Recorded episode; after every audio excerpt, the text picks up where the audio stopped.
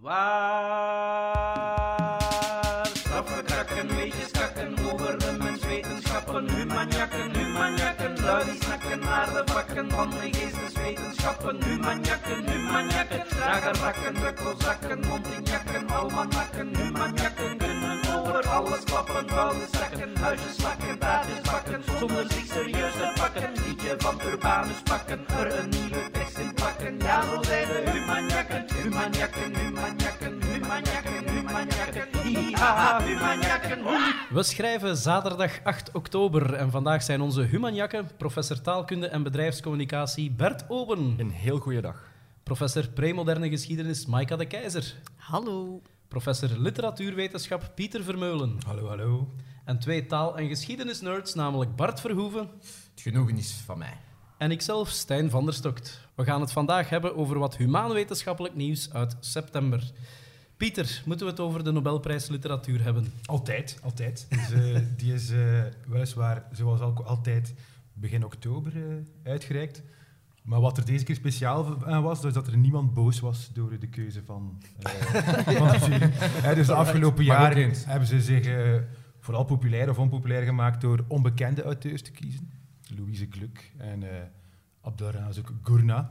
Weinig mensen kennen die. Ja, en en- als ik hier rond de tafel kijk, Ja. is dat eigenlijk wel eh, niet veranderd sinds de Nobelprijs. He- heel vaak ook zo een beetje ideologisch gekleurd ook, toch? Nee, van eh, we gaan een minderheid naar voren schuiven om... eh, nee, nee, is dat niet zo? Vorig jaar werd dat wel zo geduid, hè, omdat Ja. Gurna is eh, ja, Afrikaans en Brits en dat werd dan wel gezien als een soort eh, opentrekken van de wereld. Maar als je dan ziet dat eigenlijk niemand dat echt opgemerkt heeft, is dat toch een beetje zijn doel voorbij. Eh, dus dit jaar hebben ze wel een keuze gemaakt voor een redelijk populaire schrijfster, Annie Arnaud. En je ziet ook aan de reacties dat heel veel lezers eh, heel blij zijn met die keuze. Annie Arnaud is een Franse schrijfster die eigenlijk al een jaar of veertig vooral over zichzelf schrijft.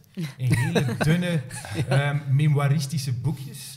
Ehm, en dat zou zo wel een beetje de vernieuwing kunnen zijn deze keer, dat eigenlijk een memoireschrijfster, eh anders dan een romanschrijver of een dichter, de prijs wint. Hè. Het is echt eh, iemand die een nieuw genre in de Nobelprijs eh, binnenbrengt. Misschien eindelijk erkenning ook voor een genre waar dat toch heel wat echt literaire auteurs op, op neerkijken, namelijk zo de, de bekentenisliteratuur. Ja, Of, ah, wel, zo zie ik dat ook wel een beetje. Omdat je, als je kijkt naar wat er echt gekocht en gelezen wordt in de wereld, kom je heel vaak bij memoires. Hè, of, Straks wint Griet op de Beek de ja, Nobelprijs. ik denk ook dat dat een logische volgende Jeroen Meus. eh, stap zou zijn. Ah ja, kookboeken.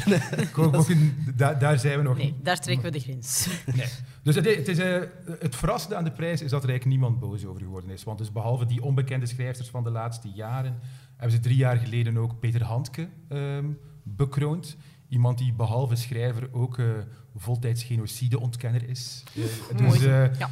Dan- Waarmee ze dan vooral toch duidelijk gemaakt hebben dat zij eigenlijk alleen maar in literaire kwaliteit en niet echt in andere dingen geïnteresseerd zijn. Specifieke genocide? Of dat is Ja, hij effectief heeft wel een eh, heel een favoriete genocide Er die hij zijn nooit ontkent. genocides Nee, gebeurd. nee. Hij, is, hij, hij- hij is vooral bezorgd over eh, de genocide in eh, de jaren 90 in Srebrenica. Ja. Eh, omdat hij eigenlijk een grote fan is van Servië.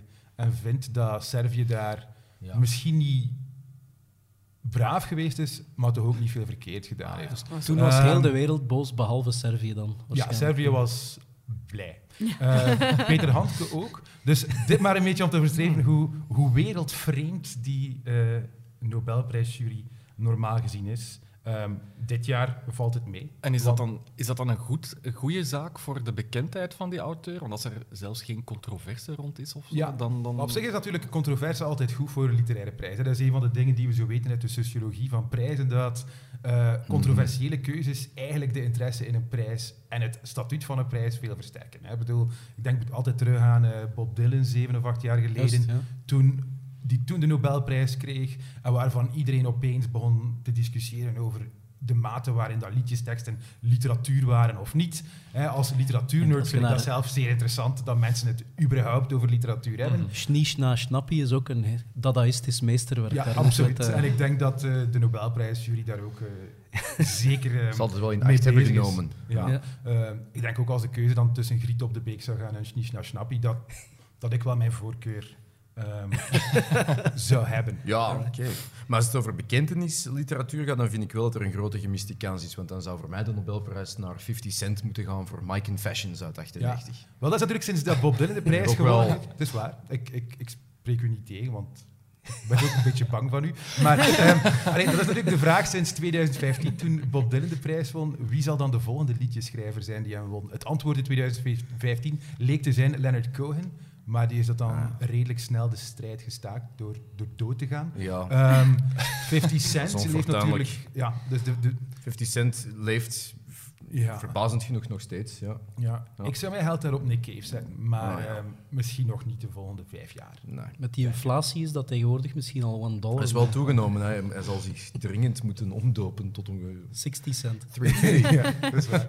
Eh, nee, nee, dus de Nobelprijs, voor één keer valt er niets zuurigs over te mopperen dit jaar. Kortom, fantastisch gedaan, Nobelprijscomité. Applaus.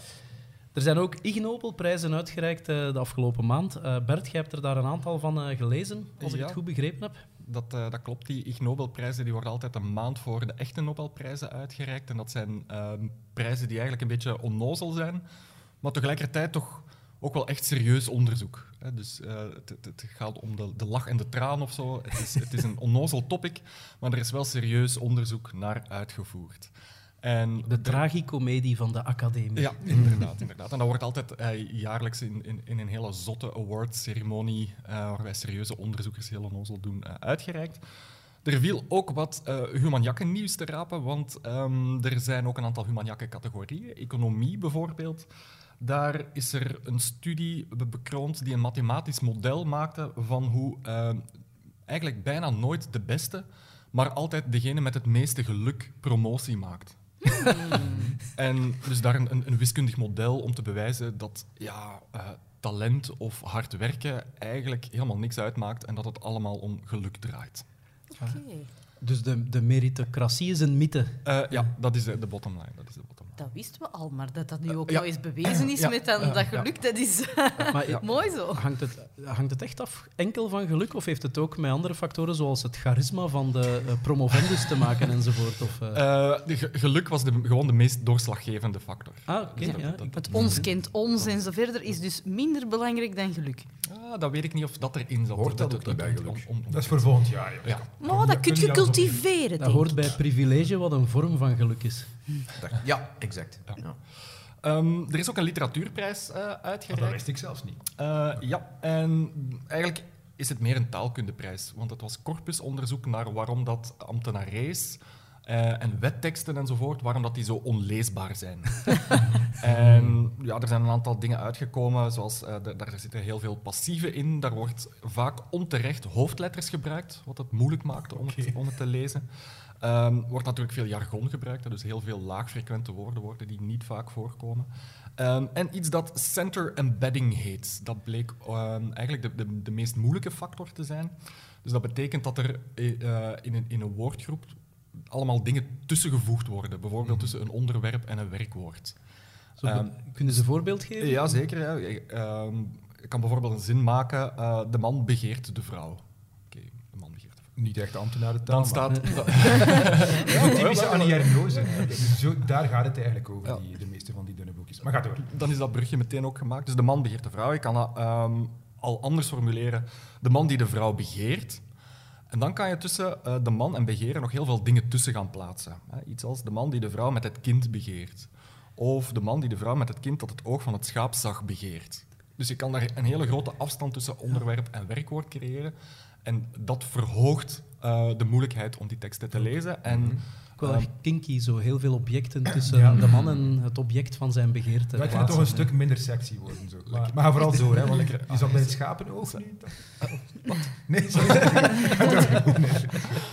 Ga verder. Het, het, ehm, ja, het laatste punt daarover is misschien nog dat het zowel voor ervaren lezers als niet-ervaren lezers een issue was. Dus het, het zijn eigenlijk gewoon slecht geschreven teksten. Voor, voor iedereen. Daar, daar, Dus er is- daar komt het op. Geen Ja, enkele reden waarom dat wetteksten zo slecht geschreven zijn, buiten het talent van de mensen Van de die mensen de die het wetteksten schrijven. opstellen. Ja, dat Bob, Oké. pas op, daar ben ik het niet mee eens. Want ik eh, heb het genoegen van een aantal vrienden te hebben die dat soort eh, teksten moeten schrijven. Over voor hun bekentenissen job. gesproken. Bekentenissen.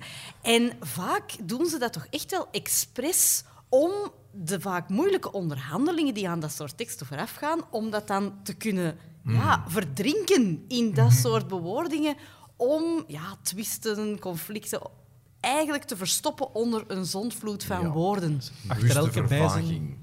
Achter elke bijzin zit een compromis eigenlijk. Ja, dat is. En dus door die woorden erbij te zetten, wil iedereen toch nog zijn dada erbij krijgen. Of ja, maar ik wil dat punt toch nog maken, ik wil toch ook nog dat punt maken. En dan krijg je dus... Wel, letterlijk die center embedding, dus hè, dingen toevoegen, Ja. ergens eh, middenin stoppen en eh, daardoor heel... heel En wij mogen dat zeggen, want als academici bezondigen wij ons natuurlijk nooit aan nodige complexe tussenvoegsels die het tweede lid van een zin eindeloos uitstaan. Ja, ik heb ook Dus- nog nooit een passief gebruikt Nee, of zo. passief, dat doen wij eigenlijk niet. Levendig, kort en to the point. Dus eh, Dus passieven zijn nog nooit door jou gebruikt geweest. Eh, ik, ik- ik heb die hier nog nooit gebruikt.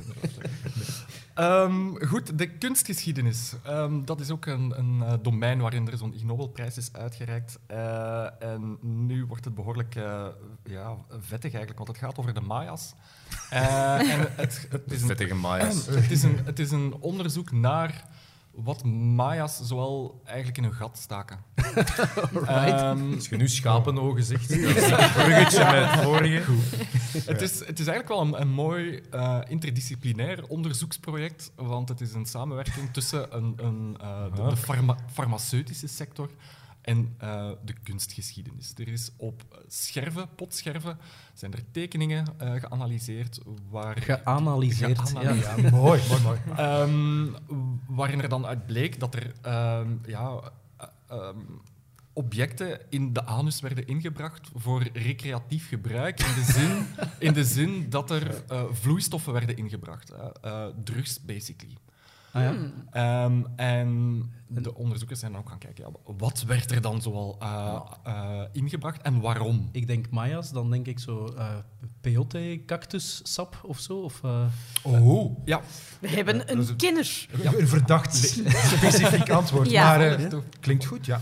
Eh, ja, het zijn, het zijn hallucino- hallucinogene middelen die er worden ingebracht, maar eigenlijk vooral alcohol. Ah ja. Vooral alcohol. Ehm, de En die dachten, drinken, dat is niet leuk. Wij Wel- doen daar niet aan mee. Eh, jawel, dat deden ze wel, maar het probleem bij drinken is ehm, dat je daar niet zat genoeg van wordt. Oké. Dus, en, dus dat- is dan het deel van de, eh, eh, de, kunst, de kunstgeschiedenis ehm, die daar, Ja. of, de, de, de geschiedenis die daar ehm, de interpretatie bij betrok, dat het belangrijk was om aan eh, voldoende bondage te kunnen doen met, met iedereen van de gemeenschap. Dus een, een, een vaak terugkerend ritueel bij een, een volwassenwordingsritueel of zo, is dat eh, degene die geïnitieerd wordt, die krijgt van iedereen een beetje te drinken. dat is eigenlijk echt gelijk de... Zoals de- op een kant is of zo. Of, Ja. of zoals bijvoorbeeld hier, de plechtige communie, dat je zo je eerste Ja. glaasje bier... de- Ginder is dat dan de papa die de eerste prop alcohol in de poep duwt, Ja, de wel. opsteekt. Wel, wel, ehm, het probleem bij eh, zo'n rijtje... liefdevol, hè. Ja, ja, ja. Het probleem bij zo'n rijtje afgaan is dat de meeste mensen niet tot aan het einde geraken. Ze beginnen over te geven voordat ze aan het einde Oh. geraken. En dat is inderdaad heel sneu. Voor, dat is vooral heel sneu voor degenen die achteraan in het rijtje staan. Want die hebben dan niet kunnen meedoen aan het ritueel. En om eh, iedereen erbij te betrekken, wordt er dus gewerkt met ehm, een anale toediening van de alcohol. Want dan ja, kan dat eindeloos blijven doorgaan. Dan kan iedereen meedoen en Omdat dan is, u- dat, dat versterkt het groep. Dat is inclusief. Dat is heel inclusief. Ja. De onderzoekers hebben trouwens ook zelf ehm, eh, proberen reconstructies te maken van de, de, de toestellen die eh, ze daarvoor dacht, ze, hebben het zelf ook eens Ze hebben gedaan. het zelf ook gedaan, ja. En, en, en, ehm, dat, was, dat was dan ook de, de, de rol van de eh, farmaceuticus die erbij betrokken was, om een beetje te bepalen ja, hoe sterk kan de alcohol zijn die je, die je binnenbrengt. En, en 10% was zo'n beetje de cut-off point. Eh, je gaat niet sterker dan 10% alcoholpercentage. En, en wisten de Maya's dat ook? Eh, dat is een goede vraag. Die, waren die niet uitgestorven? Ja. goh, eh, ja, maar- dat- nee, geen idee. Geen Want dat is wel leuk dat iemand nu zegt, je mag niet hoger gaan dan dat, maar... Daar misschien- sta je dan met je ja. fles vodka en je trechter. Goed, maar ik, ik- ja. Ehm, en een, een, een laatste punt, en dan ga ik mijn, eh, mijn eigen onderzoek een beetje proberen binnen te smokkelen, is een eh, heel random categorie, de prijs voor toegepaste cardiologie. Dat is, dat Zoals we allemaal weten, uw onderzoeksdomein. heel zeker. Zeer humaan. Ehm, is een, een, de vaststelling dat mensen die aan het daten zijn, als ze elkaar leuk vinden, dat hun hart dan begint te synchroniseren. Oh, Dat is kei romantisch. Ja. Dat is toch oké? Ja, eh, de, onderzoekers, de onderzoekers hadden verwacht dat daar ook nog veel andere factoren zouden beginnen synchroniseren. Bijvoorbeeld eh, lachen of naar elkaar kijken, of handgebaren maken of knikken. Bowel dat- movement. Eh, ja, bij, de, bij de Maya's wel. Maar dat maakt het wel, ja. Ehm, maar de, de, die, dat was ook wel zo, die synchronisatie was er, maar niks was zo sterk, eh, of niks kon zo goed de romantische potentieel of relatie tussen mensen voorspellen dan de synchronisatie van, eh, van hartritme. Oh, maar En- dat is zo mooi. Dan hebben we toch gelijk dat daar eigenlijk het liefdescentrum En zit. weten ze ook hoe dat, dat dan komt, dat die harten gelijktijdig beginnen kloppen? Of, eh, Ja, wel eigenlijk eh, niet zo heel goed, nee. Er is vooral een correlatie vastgesteld tussen de synchronisatie van het hartritme en eh, ja, elkaar aantrekkelijk vinden. Maar de vraag is dan natuurlijk in welke richting loopt dat? Hè? Eh, vind je elkaar aantrekkelijk omdat jullie hartritmes synchroniseren of is het omgekeerd? Dus daar blijven ze behoorlijk eh, in het midden hoe het dan precies komt dat die, dat die harten dan beginnen te synchroniseren. Maar het is ook toegepaste ha- hartkunde, dus Eh, eigenlijk is dat ook niet belangrijk in welke richting dat Nee, werkt. het is eigenlijk- maar werkt. ehm, ja, ook maar gewoon echt leuk dat er nog zo'n beetje mysterie blijft. Ja, of zo. ja, nee? ja. Ik ben wel blij. Ja. Ehm, nu, in mijn, in mijn eigen onderzoek zijn we daar ook eh, mee aan de slag gegaan met de synchronisatie van hartritmes. Maar dan eh, een correlatie met een andere factor, namelijk hoeveel humor dat er gebruikt wordt. Dus we hebben mensen bij elkaar gebracht die elkaar niet kenden. Ehm, die zijn gewoon beginnen babbelen met elkaar. En dan hebben we kunnen vaststellen dat mensen die eh, allebei veel humor gebruiken, dat die het meeste kans hebben om ehm, gesynchroniseerde hartritmes eh, te ontwikkelen. Maar ook de mensen die weinig humor gebruiken. Dus het heeft niet te maken Ah, ja, ja. met hoeveel, hoe- hoeveel humor je gebruikt, maar wel met de synchronisatie. Als de ene veel humor gebruikt en de andere ook, Dus synchronisatie. het is niet zo dat als je eh, ja, open staat voor humor, misschien wat Nee. extraverter bent, dat het dan makkelijker is. Het is ook mensen die minder... eh, ja. Toegepaste humor. Maar dus als ik die twee onderzoeken even samenbreng en je ontmoet iemand, dan is je hartritme, synchronisatie, potentialiteit alleen maar indicatief van een soort aantrekkingskracht als je niet hetzelfde humorniveau hebt. Want als je hetzelfde humorniveau hebt, dan is er een soort interferentie en weet je het nog niet. Eh, ja, inderdaad. Wa- eh, want Dat is een goed punt dat, eigenlijk. Dat zat bij ehm, het, het Ig Nobel-onderzoek er Ja. zeker in. Sommige mensen hebben vanzelf al van natuur Ja. uit dezelfde hartslag, basis. Ja, kunnen niks mee aanvangen. Dan, Nee. hè. Eh, en dat, dat was dus, eh, de, de crux was dat als je hartslag naar elkaar toe groeit, Ja, dan is er een relatie met die elkaar aantrekkelijk vinden. Maar niet als er op voorhand al ja, allebei eh 70 beats per minuut, ja, dat had geen Ja, dus voorspellende oké, kracht voor dus we gaan niet alles in één app kunnen gooien. Heb je dan ook zo mensen die dat eigenlijk vanaf het begin, als ze elkaar leren kennen, dezelfde, hetzelfde ritme hebben, maar elkaar absoluut niet kunnen uitstaan, dat die eigenlijk uit principe dat die ritmes uit elkaar gaan groeien. Ja, hoe grappig dat zou ook zijn. Ja. Gewoon echt. hè. Ja. Het Dat je hart gewoon stopt. Pure walging. Ja, ik kan mij zo'n paar dingen voorstellen. Dat ik Eh, stop gewoon. voilà. Ik stop nog liever met kloppen dan te synchroniseren met jou. Toch nog op een, eh, op een happy end te eindigen misschien, eh, Bert. Zijn er toevallig koppeltjes uit dat onderzoek eh, Ah, gekomen? Goeie vraag, goeie vraag. Geen idee. Geen idee. Nee. Mensen die kan elkaar tijdens het experiment hebben leren kennen, die dan achteraf toch... eh, Ja, alleszins, eh 40% van de mensen gaven aan dat ze nog wel eens een date zouden willen hebben met eh, de andere proefpersoon. Dus wie weet wat er daar nog eh, is uit voortgekomen. Alright, iets heel anders dan. Maika, jij wilt over heksen hebben. Ook grappig, behalve voor de directe betrokkenen waarschijnlijk. Niet zo grappig voor die heksen, inderdaad, maar het is onderzoek van Stije Hofhuis en Maarten Boudry. Die stelt dat we moeten kijken naar heksen vanuit een totaal nieuwe hoek. Vanuit de hoek van het cultureel Darwinisme. Ehm, en waarom zeggen ze dat nu? Dat is, zij gaan het betichten van elkaar, van hekserij, zien als een idee. Een bijna besmettelijk idee. Een meme. Een meme, inderdaad. En dus dat bepaalde ideeën, bepaalde memes, dat die dus besmettelijk zijn, enorm ja, eh, dominant kunnen worden en enorm snel kunnen verspreiden. En zo zijn zij die, die ideeën dus gaan bekijken. Misschien te vergelijken met radicalisering of zo. Als je zegt van er is een bepaald idee eh, dat het Westen de baarlijke duivel is in de islamitische wereld en eh, daardoor, misschien niet geheel onterecht zelfs, maar eh, daardoor ontstaat dan eh, een heel besmettelijk idee waardoor steeds meer mensen geïnfecteerd geraken en zoiets. Ja, je kan dat toepassen op eender eender welk idee. En hun punt is dus inderdaad, sommige ideeën zijn vatbaarder om door mensen opgepikt te worden en andere niet. En dus als je dat dan toepast op die hekserij, blijkbaar op een bepaald het over moment... hekserij of over heksenvervolging? Of, of, of... Wel, Sorry, sorry. dus het idee is dat heksen bestaan, allee, in, de, in de middeleeuwen, in de nieuwe tijd, iedereen geloofde altijd in heksen. Maar het feit dat er op een bepaald moment wat dingen zijn toegevoegd aan dat idee, namelijk dat ze kunnen rondvliegen op bezems, het feit dat ze dus samenkomen in van die grote groepen en dat Satan dan immense groepen vrouwen eh, kan verleiden om, eh, meestal seksueel verleiden trouwens, om erbij in te stappen, dat dat idee ervoor zorgt dat je veel grotere gebieden kan eh, in een soort van Ik zou ook chaos... geïnfecteerd geraken. Ik ben nu bij Zo deze cool, geïnfecteerd. Oké, dus het wordt besmettelijker omdat het beter en zijn mutaties opwindender dan. en fascinerender wordt. Ja, Zoiets. ook om, omdat je ineens kan denken: oh nee, die heksen komen ook bij ons. Want die is naar ons gevlogen van. Hè. Het, het is in Trier dat het begint, maar hè, er zijn heksen gevlogen van Bremen en zo verder. Allemaal naar die. De relatieve mobiliteit van de heks, zeg Ja. maar.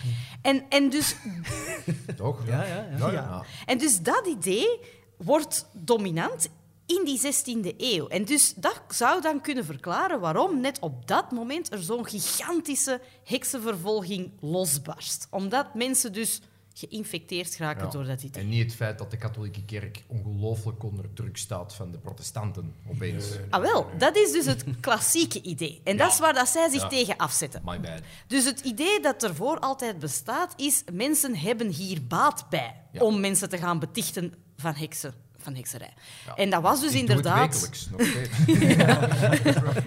En dat was dan vaak inderdaad, de katholieke kerk staat onder druk. Je Mhm. hebt eh, eh, klimaatverandering en je wordt dus boos op het feit dat er een hagelstorm is. Is Twitter niet uitgevonden in de 16e eeuw? Ja.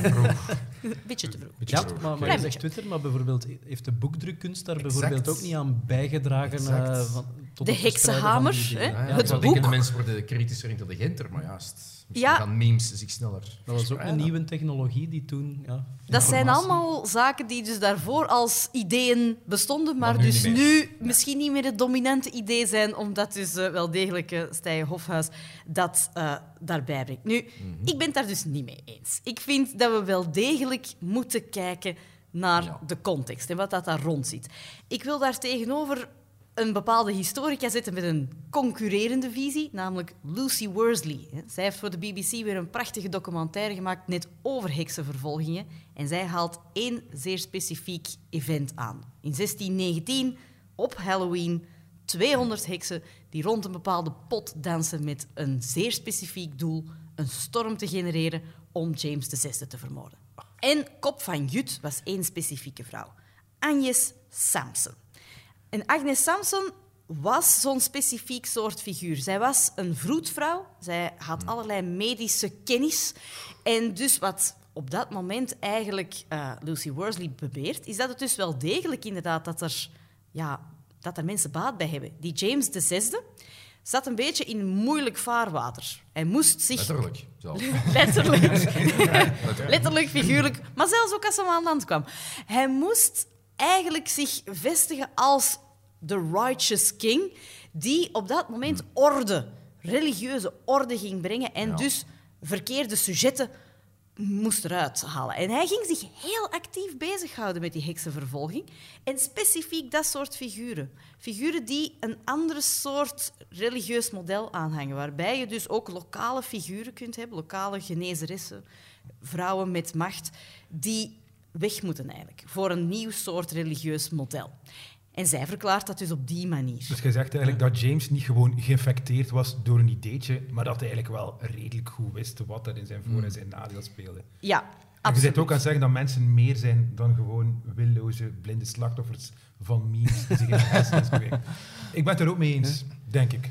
Ehm, Eh, ik, ik, Ja. ik, zou- ik ben eh, zelf redelijk eh, Darwinist tot in de kist, ook zelfs uh, cultuurhistorisch gezien. Uh, dus ik zou dat een klein beetje nuanceren nog. Ik denk dat er een wisselwerking is Ja. tussen het soort ideeën dat er bestaat en dat er wel degelijk ideeën zijn die zo absurd zijn dat niemand ze aanhangt. Mhm. Uh, en dat er andere ideeën zijn die populairder zijn uh, en dat je daar een soort van Darwinistisch model op kunt toepassen.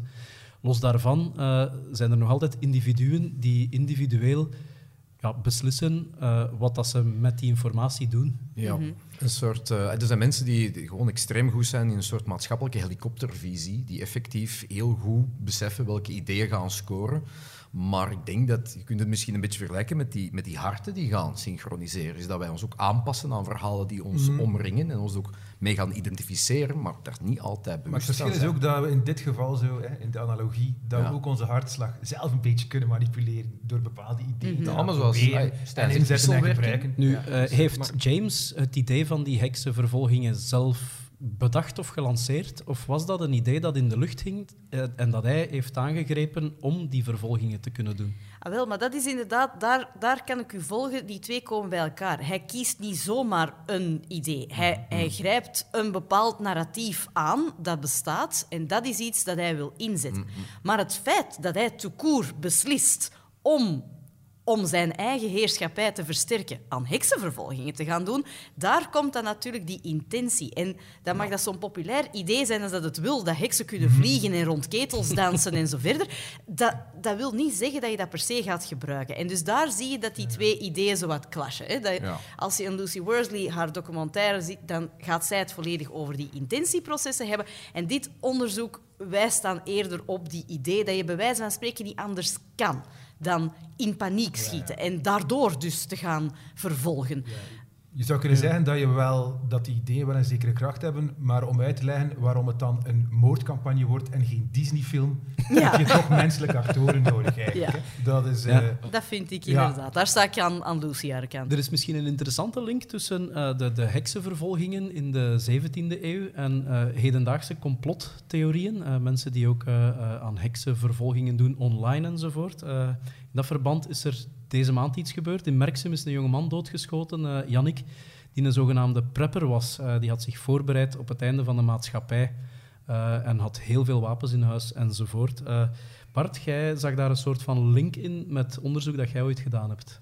Ehm, het bredere subject preppers, dat, dat boeit mij ten zeerste, ook omdat mijn eigen eh, doctoraal onderzoek van, van een paar jaar geleden ging eigenlijk over Amerikanen specifiek, die dat zich eh, ook wel eens aan het voorbereiden waren op, en dan heb ik een afkorting voor jullie.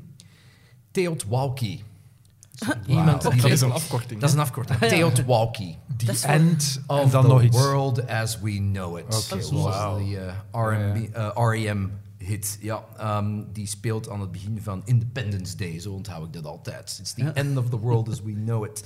En eh, ja, preppers, dat is een modernere term. Deze mensen... Deze bewegingen bestaan al even. En ik ben op zoek gegaan in de geschiedenis. Nu, natuurlijk zou ik kunnen zeggen, Noach in het Oude Testament is al een soort prepper, eigenlijk. Ja, wel een, waarschuwing gekregen van... manneke, Want preppers zijn mensen die zich specifiek voorbereiden op het einde van de wereld. Hè? Ja. Zoals wij het kennen. En dat kun je heel breed interpreteren. Ook dat is heel fascinerend. Maar dit gaat natuurlijk over mensen die een soort instorting van het samenlevingsmodel zoals wij dat kennen aan het anticiperen zijn. En zich daarop willen voorbereiden. Op zich, dat is een beetje zoals de mier en de krekel, zeg maar. Daar zit ik weet niet hoeveel logica in, maar toch... Zeker als we het hebben over memes en over hysterie en over ja, eigenlijk eh, maatschappelijke polarisering, lijkt mij dat heel interessant. Dus uiteraard het feit dat die eh, Jannik in Merksem dan ook tijdens een huiszoeking dan gestorven is, uiteraard vreselijk. Daar hangen heel veel emoties rond in de lucht. Maar ik ben eens gaan kijken naar wanneer dat die echt wel een maatschappelijke beweging zijn geworden. En dat is uiteraard de Koude Oorlog. En waarom vind ik dat zo boeiend? Omdat preppers nog nooit zo populair zijn geweest als tijdens de laatste jaren van ongelooflijk relatieve vredestijd. Dus er is nog nooit zoveel globale, ah, nog nooit zo weinig globale oorlog en eigenlijk ellende geweest. En de preppers doen het fantastisch in die periode. Is het niet omdat er ook... Sorry, maar ja, zeg maar. Dus als je je verveelt en te veel vredestijd hebt, dan Ja. kun je dat soort dingen beginnen bedenken. Misschien wel. Nu natuurlijk, dat zijn vaak, tegenwoordig zijn de preppers vaak heel anti-overheid. Je zou ze in een rechterhoek kunnen duwen, maar ik denk dat dat ook wel een beetje een, een hoefijzermodel eh vertoont. Er Soms een heel anti-establishment natuurlijk. Maar de, de, grap is dat de overheid, vooral de Amerikaanse overheid, er voor een heel groot stuk heeft achter gezeten. Omdat in de jaren 50, zij die dat nog nooit hebben gezien, YouTube alstublieft duck and cover video's. Ja, ja. Dat je bij een atoomoorlog even onder je bank moest kruipen, want dan ben je veilig. Mensen werden in de jaren 50 ook, gelijk dat je nu zonnepanelen kunt gesubsidieerd krijgen, of kon. Uh, bombshelters, daar werd echt reclame voor gemaakt. Daar werden Dat mensen voor aangemoedigd in de jaren 50, van bouwt u dat alsjeblieft. Aftrekken van de belasting. Toen. Ja, fiscaal Ja, ja. aftrekbare bombshelters. Dus ja. En die, die, die termen zijn altijd een beetje gaan evolueren. Vroeger noemde men die mensen retreaters. Dat klinkt als een soort pastorale ja, dealen daar in zit je iets, eigen Zo moestuin. Walden, zoiets Ja. inderdaad zit daarin. Van We trekken ons even terug met 100 wapens. Eh, En vergelijkbaar met mensen die tegenwoordig off-grid gaan en zo. Off-grid, ja. De, het komt van een eh, Don Stevens 1967, zijn boek Retreaters Bibliography, waarin dat ja, echt tips worden gegeven van hoe treed je uit de samenleving, want de samenleving is rot. Jaren 60 natuurlijk heel veel veranderingen in de lucht. De, de Koude Oorlog is full swing. En dan wordt dat stilletjes aan survivalists. En nu zitten we dus ja. met een term preppers. Maar als, die- als die dreiging van de Koude Oorlog er is, ehm, dat, dat sport wel niet met het idee van eh, er is veel vrede of zo. Want die dreiging was ook wel reëel natuurlijk. Dat is Dus, waar, dat is waar, absoluut. Maar het is ook Ik denk ook dat er Ja. tegenwoordig wel een aantal zwaarden van Damocles boven ons hoofd Ja, hangen, die ja, het niet ja. geheel onlogisch maken om, om daarin mee te stappen. Zoals de opwarming van de aarde, maar ook klopt. het conflict in Oekraïne. Maar het raar is als angst iemand als voor Yannick dan toch, instorting. dan toch vooral bang is voor mensen als Mark van Ranst en blijkbaar veel minder voor ja. Poetin, Ja. waar hij warme gevoelens voor had. Wat ik het, het leukste vind aan die Yannick is dat ik stel mij bij die survivalists altijd zo sexy bunkers in Arizona voor. Ja. En die, die man woonde, wacht op het einde van de, van de beschaving in Merksem. Ja. Ik kom daar zelden, maar ik stel me daar Ja. weinig glamour, survivalism en off-gridness bij voor. Maar Het is behoorlijk gritty. Ja, Ja, uiteindelijk. De, Extreem on-grid. Het dicht Arizona bevolkt. van- Extreem ja. dicht bevolkt, Dus ja. Ja. Dus misschien hield hij wel waar. echt van mensen. nu, de, Ik weet niet, de, ik vind, het, ik vind het een, een rare plaats om te gaan preppen. de superrijken zijn op dit moment massaal huizen aan het ko- kopen in Nieuw-Zeeland. hè, In Merksem. Ja, Merksem. Ja, Ja, kijk, als, als je niet superrijk bent en je kunt geen villa in Arizona, dan zult je het moeten stellen met een kelder in Merksem. ja, Inderdaad. voilà. Inderdaad. En hoe prept zij je als je dan toch een inval van de politie niet overleeft? Dat vraag ik mij dan af. Maar ik ben ook wat, wat sceptisch over het Ja, het preppen. is- Laten we blij zijn dat het niet zo goed voorbereid was. Ja, het is in ieder geval voor mij ook een heel... ah, Ik ben altijd geïnteresseerd in complottheorieën, in mensen Ja. die denken van kijk, de, de samenleving is een en-of verhaal. Het is, het is het goede tegen het kwade. En ja, dat, dat, dat lijkt daar nogal goed Voorwaar te heel viben, hè. besmettelijke ideeën. Heel besmettelijke ideeën waar die mensen misschien zich toch niet altijd bewust van zijn. Ik vind dat ook een soort meme, eigenlijk, van alles wat de overheid doet is fout. En Alles wat de mainstream media zegt is een leugen. Ja, dan krijg je eigenlijk dit soort toestanden. Op de wat ik daar zo van een meme-perspectief interessant aan is, is dat je hier nu duidelijk ziet dat hè, die man is gestorven, maar het meme wordt er alleen maar sterker door. Hè, want Ja, het is een- het is zijn dood is nu natuurlijk ook een voorwerp van een samenzweringstheorie. Jurgen En, ehm, Konings, Timothy ja. McVeigh. Dus dan zie je toch dat ideeën in, in dat soort omstandigheden sterker zijn dan de mensen die ze belichamen, die er zelfs voor sterven, maar die eigenlijk gewoon collateral damage zijn op de, in de carrière van die ideeën. Dus ehm, ja, Mooi gezegd. Ja, Ja. Nee, is mooi gezegd. ik vind dat zelf ook. Als het volgend jaar geen Nobelprijs dat wordt, dan toch een Nobelprijs voor literatuur. Oké, nog iets helemaal anders dan. Ehm, er is onderzoek gebeurd naar hoe wij audiobooks eh, beleven. En eigenlijk zouden die zelfs eh, de manier waarop we lezen veranderen. Pieter?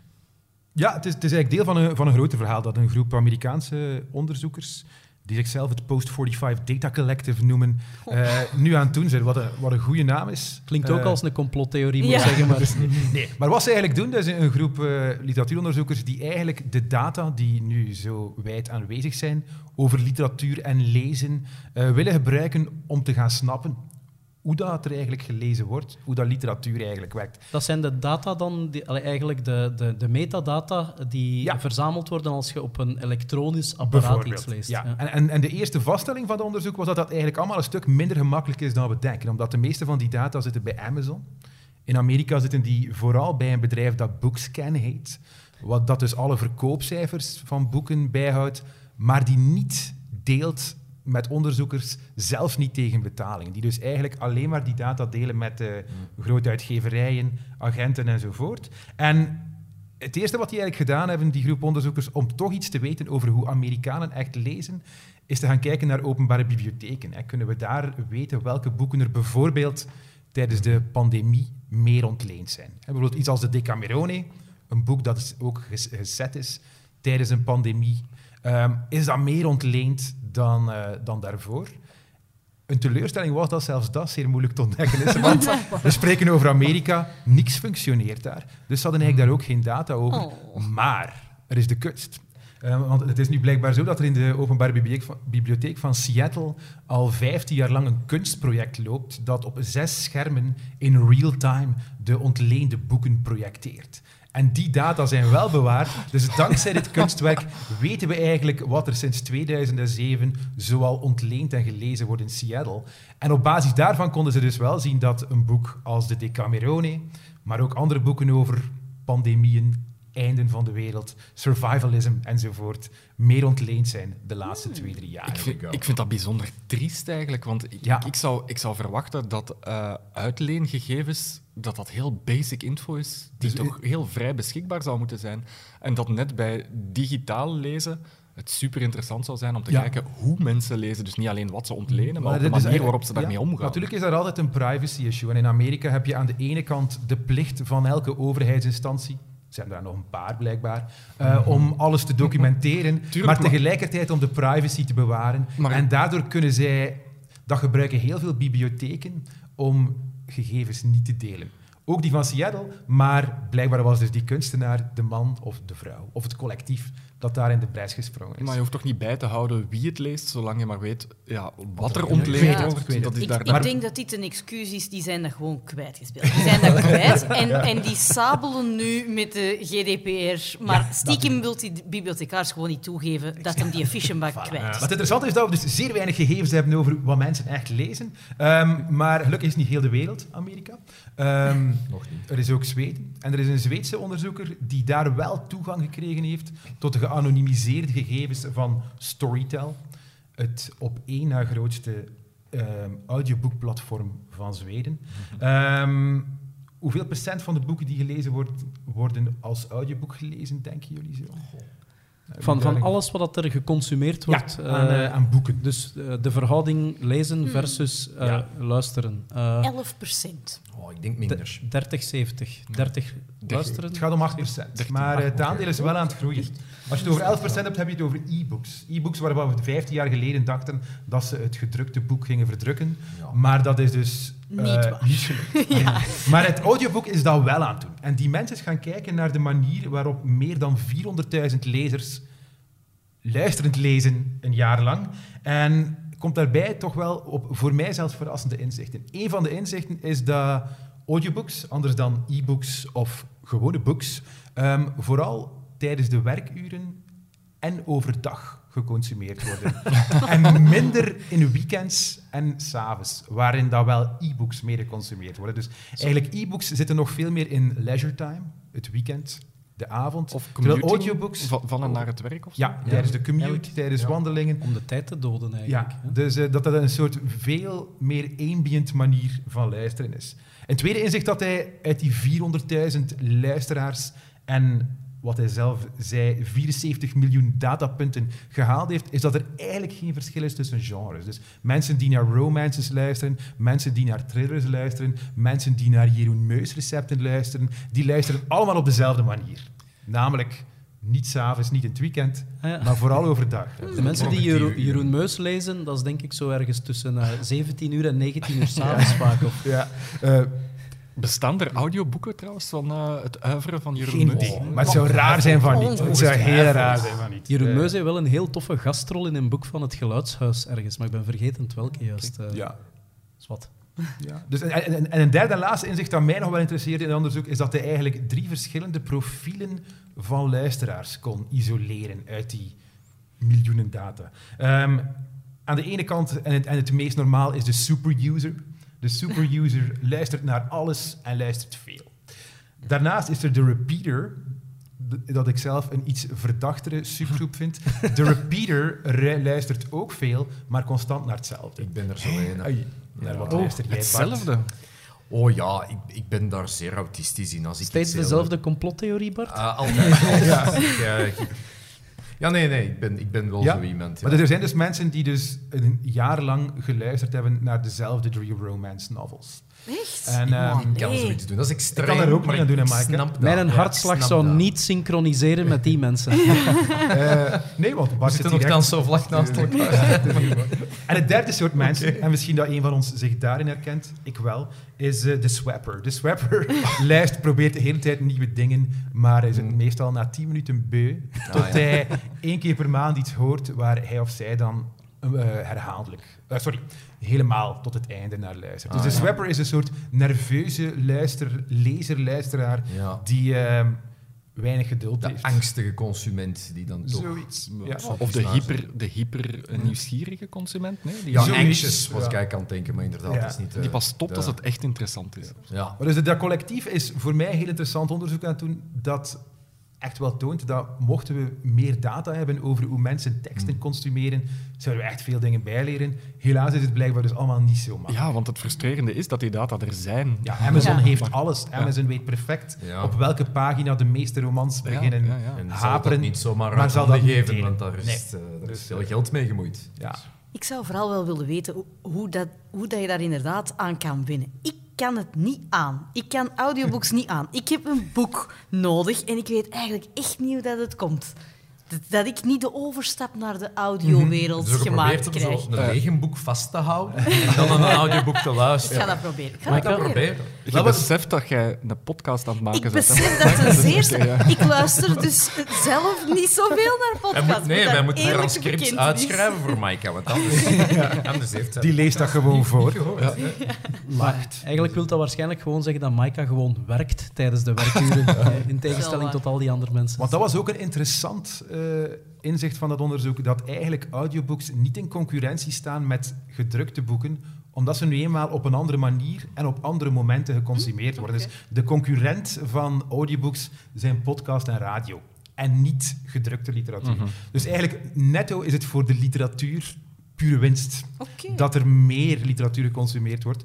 Dus eh, het eerste audioboek dat de Nobelprijs zal winnen, zal niet zo ver weg zijn. Denk ik. Oké.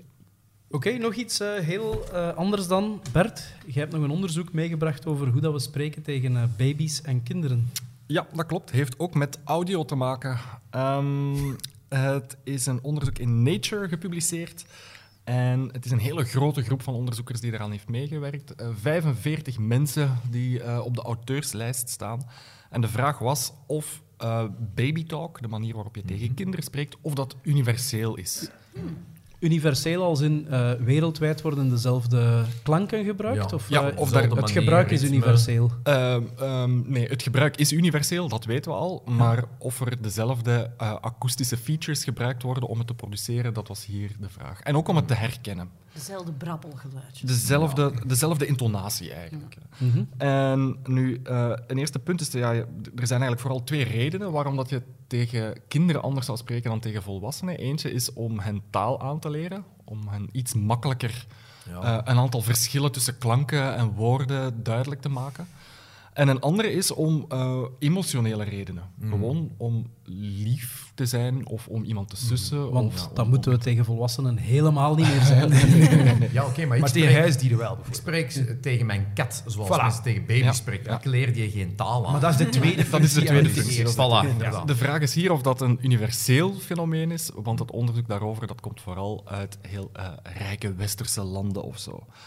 En ze hebben nu de, een, hele brede dataset gebouwd waarin ze opnames hebben gemaakt van mensen die ofwel met kinderen spreken ofwel met andere volwassenen. En dat is gebeurd op 21 locaties, verspreid over de hele wereld. Eh, 410 stemmen en ze hebben meer dan 1600 opnames gemaakt. En de vraag is dan, ja, kunnen we akoestische verschillen vaststellen tussen wat mensen doen als ze met kinderen of zich richten tot kinderen versus richten tot volwassenen? En eh, ja, die komen, die komen er heel zeker uit.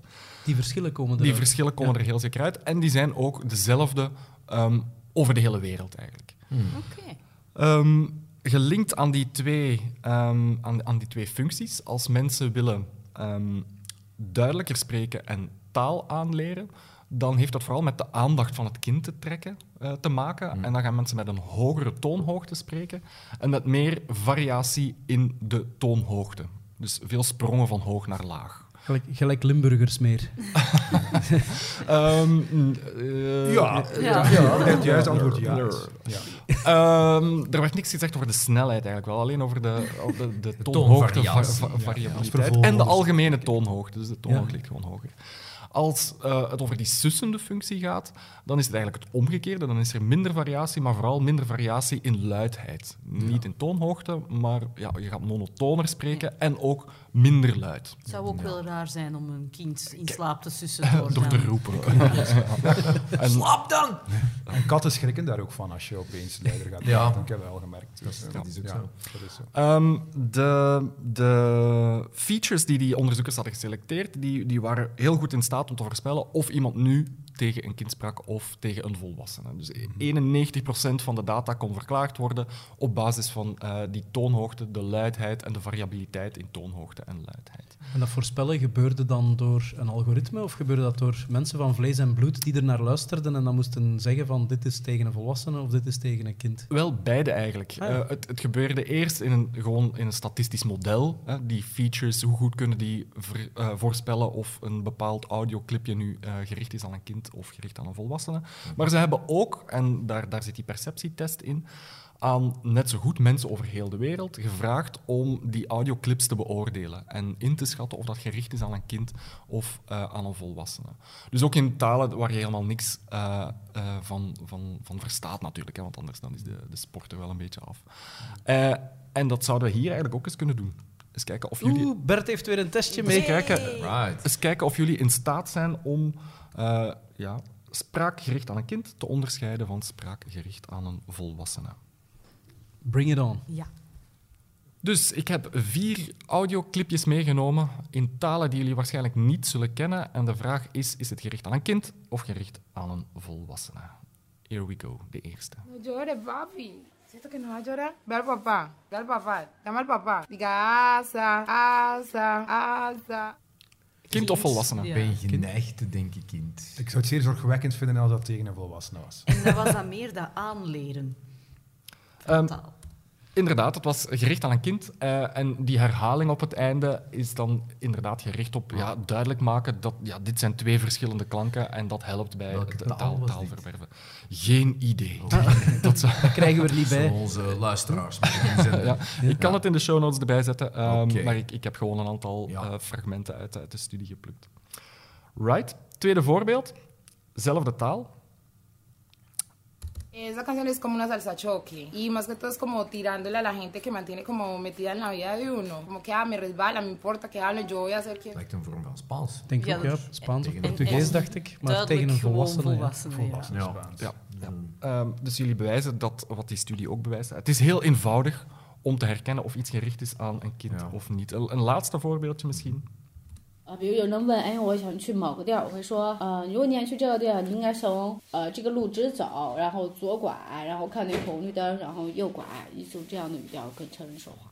Dat is moeilijker. Dat is tegen een volwassene, denk ik. Ook Ik tegen, denk denk ook een ook tegen een Ik denk dat we volwassene. in Azië zitten, maar dat is toch een volwassen tegen een volwassene, denk ik. Ik vond dat meer een ouder kind zo, denk ik. Ja. Misschien eh, een compromis, een, een kindse volwassene die, misschien dat die al aan het eh, dementeren is. of zo. Ah, ik denk, een- ik denk een volwassene. Ja, ik denk Eh, nee, heel juist, een volwassene. En dus jullie, je, je bent daar goed toe in staat. Eh, En de conclusie van de studie is dus... Overal ter wereld gebruiken mensen dezelfde features om tegen een kind te spreken. En overal ter wereld zijn mensen ook in staat om dat te herkennen als zijnde gericht aan een Maar- kind. Zelfs als, als, mijn, als mijn kat in de, in de woonkamer is en ik ben aan de telefoon met iemand bezig op deze normale tonen, die bougeert niet. Maar als ik dan tegen hem begin, ik ben niet eens naar iemand kijken van wie is boos, dan begint hij staart ook te gaan. Want dan weet hem, dat zijn de tonen, die is- zijn aan mij gericht. Dat, is voor mij. Ja. Ja. We hadden Ja. de kat moeten meenemen om dit eens voor te leggen aan de kat, om te kijken Ja, of die ik zou heb hem gevraagd, maar ja, Zonde. zonde. Had geen zin. lachte comfortabel. Ja. Kat spreekt ook geen Spaans. Heel Wij- maar wij ook niet, hè? daar ligt het niet aan. Oké, ja. Ja, toch niet zo vlot. Alright. Normaal doen we niet echt een categorie This Month in History, maar eh, deze maand willen we graag een uitzondering maken, omdat het exact 200 jaar geleden is dat er, eh, ja, dat er iets heel leuks is gebeurd. Namelijk de steen van Rosetta is ontcijferd geweest. Maika? Ja, dat is nu toch wel echt een doorbraak van je welste. En dat hebben we te danken aan Jean-François Champollion. hè. Die heeft dus eh, op 27 september heeft hem het niet bedacht, maar hij heeft hem het voorgesteld. Hij heeft het voorgesteld aan de wetenschappelijke gemeenschap. Hè. Hij heeft het eh, voorgesteld aan de medewetenschappers. Even kort kaderen misschien nog. De steen van Rosetta, dat is de eh, steen waarop er verschillende inscripties te zien waren en waardoor dat de hiërogliefen in Egypte zijn eh, ontcijferd geweest. Ja, dat was een prachtige vondst en die was al veel vroeger gevonden. Die is in 1799 gevonden tijdens een campagne van Napoleon. Ze waren eigenlijk een fort aan het graven in El Rashid, wat dat dan Rosetta eh, wordt genoemd door de Fransen en de Britten. Eh, en daar zat die steen in een van In de weg. Ja, die zat eigenlijk in de weg, ja. Eh, maar er was natuurlijk, er waren veel mensen die op dat moment in het leger zaten van Napoleon, die eigenlijk wel geschiedenisnerds zijn zoals wij. En die hadden direct door van, oh, Oh, oh. dit is wel echt goud waard. Want wat stond er precies op die steen, Maika? Ja, dus dat is eigenlijk dezelfde tekst die er drie keer op staat. Eén keer in hieroglyphen, wat op dat moment, allee, op dat moment in het oude Egypte eigenlijk ons het soort van Latijn was. Dat spraken alleen de priesters, dat schreven ook alleen maar priesters op die manier.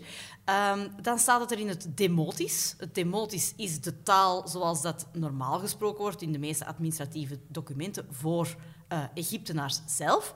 En dan natuurlijk ook nog eens in het Grieks. Want de tekst is opgesteld tijdens de Ptolemaïsche dynastie. Wat Grieken zijn. Hè? Ja, en dus de, de echte administratieve taal van de heersers op dat moment is al Grieks. En dus ze moesten dat dan in de drie landstalen, laten we het dan zo maar zeggen, eh, hun edicten laten schrijven. En dat we deze steen hebben gevonden is ook niet zo toevallig. Want op de steen staat dat dat edict in alle tempels van het land moest geschreven worden. En er zijn daarna eigenlijk nog talloze kopieën van de Rosetta-steen gevonden op andere plekken. Oké. Wat stond er dan Wat- precies ja, wat- in dat wat staat edict? daarop? Ja? Wat staat daarop? Dat is eigenlijk heel boeiend, vind ik. Eh, iedereen kijkt altijd maar naar die Cham- Champollion, maar de steen zelf is ook heel indrukwekkend. Het is een tekst die op het eerste jubileum van Ptolemaeus V zijn heerschappij, wat eigenlijk een kind-farao is, die is enorm jong ehm, farao geworden, die bevestigt dat ja, vanuit de priesters, de priesters bevestigen dat hij eigenlijk de heilige farao en heerser is en dat zijn heerschappij zo goed en fantastisch en allee, allemaal uh, ondermeeste uh, Zoals onlangs bewieroking. overal in de UK ook hebben uitgeroepen, Charles is de koning. Ja, voilà. Bevestiging, Ja. proclamatie. En dat was wel nodig, want dat was op dat moment echt een tijd van crisis. Ja. De, Ptolemaï, de dynastie, ja, dat waren buitenlanders hè, voor de Egyptenaars en daar zijn enorm veel rebellieën tegen geweest. En ze waren eigenlijk het grootste deel van Opper-Egypte en zelfs grote delen van Neder-Egypte kwijt door allerlei rebellieën. Er waren zelfs concurrerende farao's in Thebe die, die eigenlijk zeiden van ja, wij erkennen jullie niet. En dus het feit dat de priesterklasse beslist om te zeggen wij vinden de die eigenlijk toch wel echt tof en wij gaan die steunen, dat zegt wel veel. Want die priesters bepalen eigenlijk wie het wordt. Ehm, als zij zich achter u zetten, dan heb je het gemaakt. En dus die steen, die, die toont dat. Een bepaalde groep van priesters die zegt, ja, Ja. wij zeggen dat deze Griek, basically, toch wel echt de Horus in levende lijven is. Dat die de beschermer van de goden is. Dat zij hè, onze echte vertegenwoordigers zijn hier op deze aarde. Dat is heel veelzeggend. Heeft onze Ptolemaeus daar zo eh, een klein percentje bijgevoegd zo aan die priesterklasse? Van kijk, hier Dat is een beetje wel. goud en, en doe dat dan maar? Of hoe Ja, zat dat ja, dan? zeker en vast. Alle Ptolemaïsche farao's hebben heel sterk geïnvesteerd in het bouwen van tempelcomplexen. Dat is eigenlijk al begonnen met de Alexander de Grote, die meteen van in het begin doorhad, als je in Egypte de mensen achter jou wil krijgen, dan moet je de traditionele religie aanhangen, dan moet je je op de traditionele manier met alle regalia gaan laten afbeelden. Niet de Griek komen uithangen. Je moet je Egyptisch maken. En zij hebben enorm veel tempels gezet. En heel veel mensen herkennen dat zelfs niet als een nieuwe dynastie. Hè. Ik ik ben ooit eens in Egypte geweest en iedereen zegt altijd van ja, dat ziet je toch niet, dat verschil tussen hè, die tempel en die tempel. Ehm, ja, eigenlijk zie je dat wel, maar vooral, ze deden heel hard hun best om zo Egyptisch mogelijk te zijn. Was dat ook niet Alexander die dan naar Siwa is geweest in de woestijn, die oase, om daar zo eh, eh, de opvolger van, of de reïncarnatie van Re genoemd te worden? Ja. Allee, het zit ver weg, maar Ja, nee, maar ze deden dat heel, heel expliciet. Hè. Ook de tempel van Edfu en zo. Dat zijn van die tempels die gebouwd worden bijna op het meest conservatieve. Zelfs de Egyptenaars waren niet meer zo conservatief, maar zij willen dus teruggrijpen naar een bepaald verleden om dus die legitimiteit te krijgen. Ja. En dus die Heiliger dan de paus, die, die er toen nog niet paus. was. Ja, Legitimiteit, hè, je moet dat doen. Ja, je, je moet dat dus doen. En dus daarom, die stijlen is eigenlijk een bevestiging van, kijk, wij erkennen die dan ook, ondanks het feit dat dat een, een enorm zwakke farao was, die op dat moment eigenlijk aan, aan maar een, aan een draadje vasthangt aan zijn, aan zijn gezag. Maar daarna heeft hem het wel beter gedaan. Hij heeft eigenlijk heel grote delen van Egypte terug heroverd, eh, zelfs van Opper-Egypte. Maar op dat moment dat, dat die stijlen wordt gezet, is het is het echt een erbarmelijk moment. Hè. Dus, eh, 196 voor Christus, echt niet de hoofdperiode Nee, van, eh, van Egyptische farao's. Ehm, misschien nog even terug naar die, naar die steen zelf. Ja. Ehm, hoe, ja, hoe belangrijk was die ontdekking? En eh, voor mij ook, hoe, ehm, hoeveel werk zat er nog voor die onderzoeker in of zo? Eh, eh, hebben we met die steen dan meteen ook alle teksten ontcijferd? Of zat daar nog heel veel werk, vlees aan, om, om eh, analysevlees aan of zo? Ja, dit is echt het prille begin. Hè. Dus in 1799 wordt die steen gevonden door de Fransen. Het is dan de... Ze verliezen. Hè. Napoleon verliest in 1801 en dan wordt er een verdrag getekend. En eigenlijk alle gestolen voorwerpen, laten we zo maar zeggen, zoals de steen van Rosetta, maar ook mummies en, en allerlei eh, dingen die de Fransen wilden meenemen naar bijvoorbeeld het Louvre of hun eh, musea, die moesten afgegeven worden. Ja, er is op dat moment nog niet het Louvre als openbaar museum, maar dus hetgeen dat dan normaal zou tentoongesteld moeten staan momenteel in het Louvre, zouden zijn dus moeten afgegeven worden aan de Britten. En daarom staat de steen van Rosetta Ja. in het British eh, Museum en niet ergens in een Frans museum. Maar dus op dat moment, ja, dat is echt, ze wisten wat dat, dat waard was. Dus iedereen begint aan een, aan een soort van rat race eh, om die dus te kunnen ontcijferen, omdat ze weten, nu hebben we echt wel de sleutel. En Thomas Young was eigenlijk de eerste. Die heeft een cartouche, hè, dus een cartouche is daar waar de namen van farao's of mensen eh, in staan. En die heeft dus Ptolemaios gevonden. Want dit, dit verwijst naar Ptolemaios. Dus dat was eigenlijk de eerste die dat dat heeft gedaan. En dan wist dus eigenlijk Champollion, oké, ehm, die hieroglyphen kunnen staan voor zowel klanken, dat dus zijn niet zomaar dat tekeningetjes. zijn niet zomaar tekeningetjes. Dus die ontdekte sommige eh, tekens staan voor een klank, voor een heel simpele klank. Sommige staan voor een, een langere klank, echt een, een volledige lettergreep bijvoorbeeld. En je hebt dus toch tekentjes die echt voor een woord staan. Hè. De, de zonneschijf staat voor het woord zon. Dat is niet omdat dat zo klinkt, dat is echt voor de, voor de zon. En dus dat had hij dan door, maar dan heeft het toch echt nog geduurd tot 1822, vooraleer dat hij dan echt wel een beetje de principes daaruit heeft gehaald. En dan daarna konden we nog niet per se alles lezen. Hè. Daarna zijn er nog veel onderzoekers moeten komen. Maar het principe is dan echt wel Ja. ja. En- ontdekt. En zijn er nog van dat soort stenen gevonden eh, of die, die dezelfde functie hebben? Of is dat de enige of zo? Die, Nee, nee, dit soort is? stijlen is eigenlijk iets heel dominant. Want het is ook heel grappig, dat is een soort van schabloon. En deze steen, daar is gewoon de datum en de naam van veranderd. En dus je hebt heel veel van dat soort stijlen bij uw eerste jubileum, uw tweede jubileum, volgende farao. Dus dit is een zeer eh, veel voorkomend soort tekst. Ja. Right, eh, maar dus eigenlijk eh, fantastisch. 200 jaar geleden eh, is eh, het oude Egypte toegetreden tot de geschiedenis en eh, is niet langer domein van de archeologie, om het zo te zeggen. Absoluut. En daar is een, een, een wereld opengegaan met allerlei teksten die we dus nog maar 200 jaar lang kunnen ontrafelen. Ja. Prachtig. Dank u wel, meneer Champollion. Ja.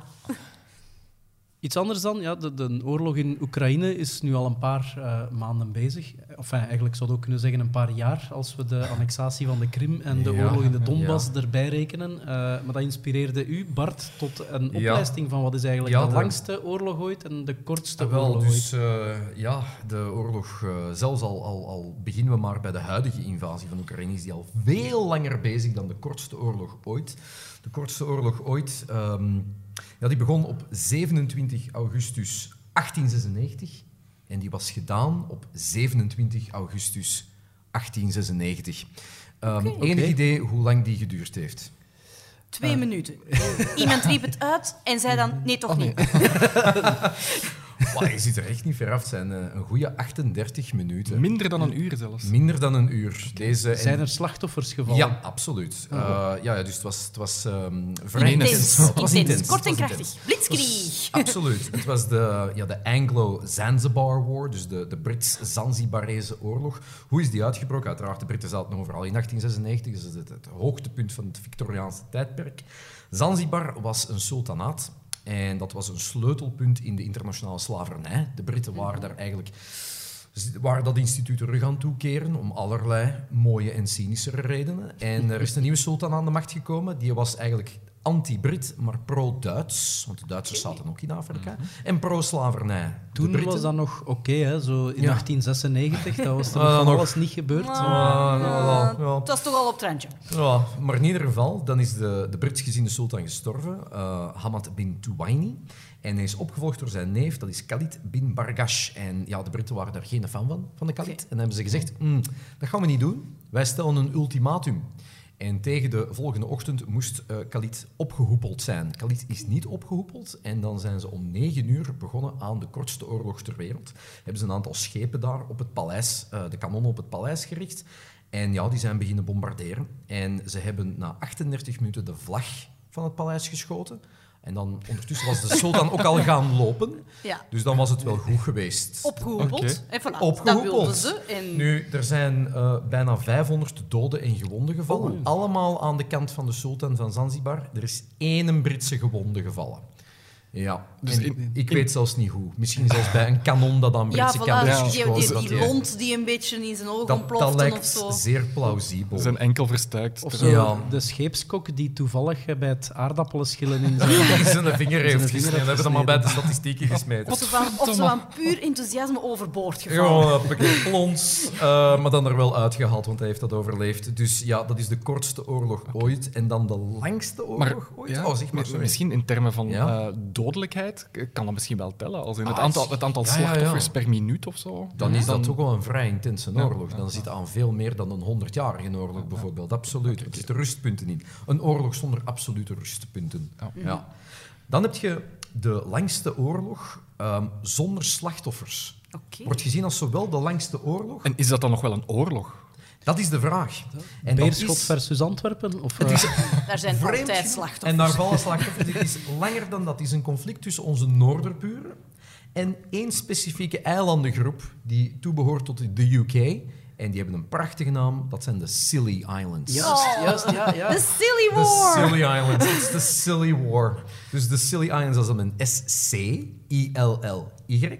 Die oorlog is begonnen tussen de Republiek der Zeven Verenigde Nederlanden toen en eh, de Scilly Islands tijdens de Engelse burgeroorlog. Omdat het leger van Oliver Cromwell, die koning Charles I, Karel I, eigenlijk eh, ja, onder, eh, met, met, met, met zijn leger eigenlijk in het nauw gedreven, verslagen heeft. Dan is Engeland even een republiek geworden. Ehm, ja, die koningsgezinden zijn, hebben zich teruggetrokken tot die eilandengroep. Nu, de geallieerden van de parlementariërs, dus de vijanden van de koning, waren de Nederlanders. En die hebben daar dus ook een schip naartoe gestuurd. Maar dan hebben ze dat schip maar teruggestuurd, omdat de Britten hebben gezegd, ja, de Engelsen hebben toen gezegd, het is niet meer nodig, we hebben ze wel. Ja, die Maar er is- op Silly maar iedereen is vergeten vrede te verkondigen. Niemand heeft vrede verkondigd. En inderdaad, een of andere administrator heeft dat in de jaren tachtig gevonden. Iemand op de Scilly Islands, een burgemeester of zo, en heeft dan gezegd, zeg Amsterdam, ehm we hebben die oorlog nooit beëindigd. Ah ja, dat is juist. Een, prank call zegt, zijn hier de Silly Islands. We bellen om de oorlog te beëindigen. Die hebben dat gewoon jarenlang niet. Ja, niet- dat niet zal wel.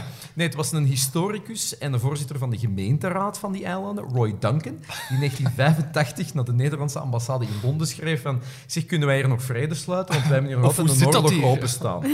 en dan hebben ze dat gecheckt en dat klopte. En dan is de Nederlandse ambassadeur, eh, ambassadeur jonkheer Huidekoper, ook een mooi ehm, haptoniem voor een andere keer, is dan eigenlijk eh, die, die eilanden gaan bezoeken om vrede te sluiten op 17 april 1986, 335 jaar na het begin van de oorlog, waar geen schot in is gelost. En waren, Prachtig. Waren de, de Nederlanders dan officieel nog in oorlog met de Britten of enkel met die eilanden? Enkel met die eilanden dus. Dat was een administratieve loophole. Want die eilanden hadden zich ook afgescheiden van Engeland omdat Ja. zij als enige... Beetje zoals een Taiwan-situatie. hè. Daar gaat het ja, regime ja. dan vluchten. Maar ja, dus de, de silliest war Zeg maar, ik vind de Romeinen hadden misschien nog wel een punt. Hè. De Romeinen die hadden de tempel van Janus en die deuren gaan open en toe naar gelang of dat oorlog is Ja. of niet. En dat is zo'n symbolisch moment. Je kan de deuren openen Ja. en sluiten bij die oorlog. Ze hadden dat moeten doen, hè. dan wist je tenminste, die staan die daar staan nog nog open. gewoon open. Ja, er stond, een, er stond een hek aan een schapenwei, stond daar nog open. ja. Maar de internationale gemeenschap had dat niet gezien. Jammer. Ja, voilà. Ja. Alright. Nu dat we toch bij de Romeinen en de Britten zitten, had ik ook nog iets heel leuks gehoord eh, begin september. Eh een van de leuke dingen was dat Boris Johnson er eindelijk mee ophoudt. Dat heeft veel te lang geduurd dat hij daar in, die, eh, in Downing Street 10 heeft gezeten. Maar tijdens zijn afscheidsspeech eh, vergeleek hij zichzelf met de Romeinse veldheer Cincinnatus of eh, Cincinnatus, afhankelijk van wat dat uw voorkeur is. En dat vond ik echt eh kei ironisch, omdat ehm, ja, Cincinnatus geldt als een schoolvoorbeeld van de oude republikeinse Romeinse deugden. Namelijk, je wordt opgeroepen om je plicht te doen en van zodra dat die plicht gedaan is, leg je je ambt ook terug neer. Ja. Dat is exact wat dat er met Cincinnatus gebeurd is. Er was een oorlog met de Aequi in, eh, ik moet even spieken, 458 voor Christus. Dus we spreken echt over de echte begindagen van, van eh, Rome. Eh, en eh, ja, dat was blijkbaar een heel goede veldheer. Dus hij was zijn veld aan het ploegen, zo eh, ging de legende. En hij werd opgeroepen van, zeg, we moeten die oorlog hier winnen. Jij moet dictator worden in Rome. Vervolgens is hij 16 dagen dictator geweest. Heeft hij op dat moment ook die Aequi volledig opgerold. En vanaf het moment dat dat gebeurd was, heeft hij zijn ambt ook neergelegd, heel braaf, gezegd Terug van ik veld. geef Ja. mijn dictatoriale machten terug, ik ga terug mijn veld gaan ploegen. Ook een kanshebber voor de kortste oorlog, maar ja, toch met, Ja, met toch 15 dagen. de 15 loef dagen opgestoken. en 23 uur te lang en een half uur. Dus, Maar dus net met die figuur eh, vergelijkt Boris Johnson zichzelf, Prachtig, iemand man die die zich toch echt een klein beetje. Meer heeft vastgeklampt aan de macht, zelfs als het voor iedereen al duidelijk geen was. crisis opgelost Ja, heeft. plus, wat dat ook altijd heel typisch is, mensen willen zo... Veel politici willen zo gevraagd worden. Hè? Gevra het idee Ja. van, ik kon niet anders Duty dan de calls. macht nemen. Want Ja. mensen komen mij dan vragen om dat te doen. Terwijl ook daar heeft hem toch wel iets harder gelobbyd voor zichzelf. Dan, eh, Dus, Een eh, beetje. sorry Boris, je bent geen Kinkinatus. nee. Alright, dan zijn we weer aangekomen bij de verkiezing van het aptoniem van de maand.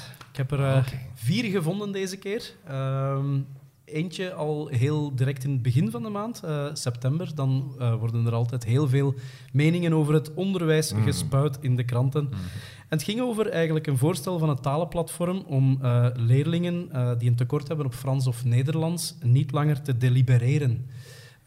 Omdat dat te vaak gebeurt tegenwoordig, wat dan de waarde van de opleiding taal eh, in het middelbaar zou verkleinen.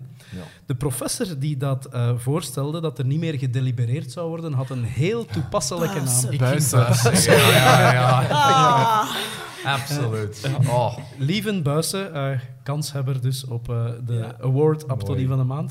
is dat een goeie? Ehm, eh, Er is ook een Nederlands kampioen woodcarven ontstaan eh, de afgelopen maand. Eh, woodcarven dat is de discipline waar dat je bij een kettingzaag een boomstam te lijf gaat en Ah, er een, eh, een eh, ja, sculptuur van maakt, een kunstwerk van maakt.